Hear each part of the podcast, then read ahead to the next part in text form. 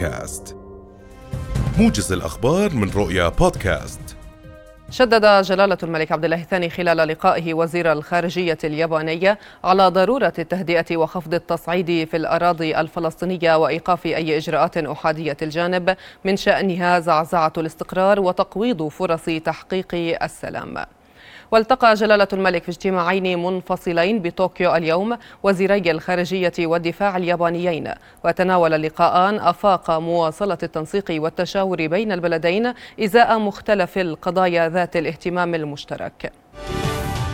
وبالتوازي أجرى الأمير الحسين بن عبد الله الثاني محادثات مع ولي عهد اليابان فوميهتو وولية العهد الأميرة كيكو كواشيما كما التقى قادة أعمال ورياديين أردنيين مقيمين في اليابان.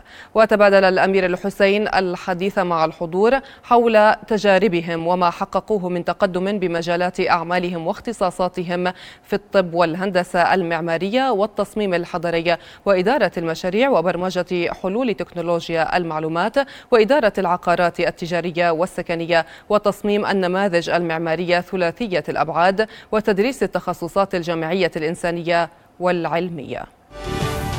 شيع الفلسطينيون اليوم جثمان الفتى محمد بلهان الذي استشهد إثر إصابته برصاص الاحتلال خلال اقتحامه مخيم عقبة جبر في مدينة أريحة. وبحسب بيان لوزارة الصحة الفلسطينية فإن الفتى بلهان أصيب برصاص الحي في البطن والرأس والصدر ما أدى إلى استشهاده. هذا وأسفرت عملية الاقتحام صباح هذا اليوم في مخيم عقبة جبر عن اعتقال شابين آخرين.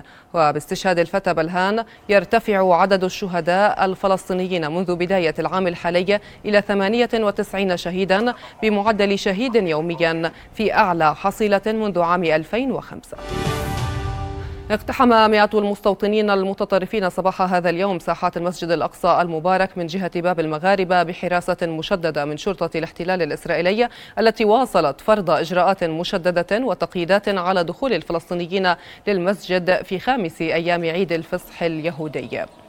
دائرة الأوقاف الإسلامية في القدس أشارت إلى أن أكثر من 1500 مستوطن موزعين على 23 مجموعة اقتحموا المسجد الأقصى منذ الصباح ونفذوا جولات استفزازية في ساحاته وتلقوا شروحات عن الهيكل المزعوم وأدوا طقوسا تلمودية في المنطقة الشرقية منه قبل أن يغادروا الساحات من جهة باب السلسلة بحماية مشددة من شرطة الاحتلال.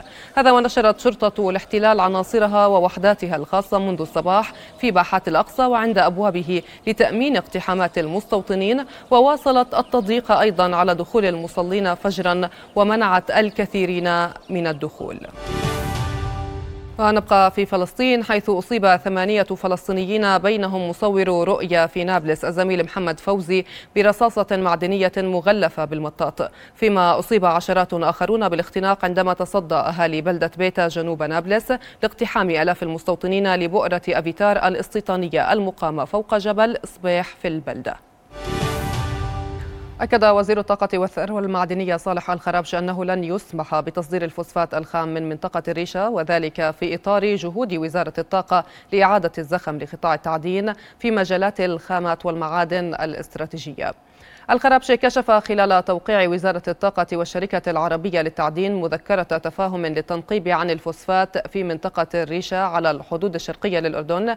كشف عن أن هذه المذكرة تتيح للشركة التنقيب عن الفوسفات في منطقة تقدر مساحتها ب 305 كيلومترات مربعة من خلال إجراء الدراسات الجيولوجية وحفر شبكة أبار استكشافية ضمن برنامج تنقيبي لمنطقة الاستكشاف.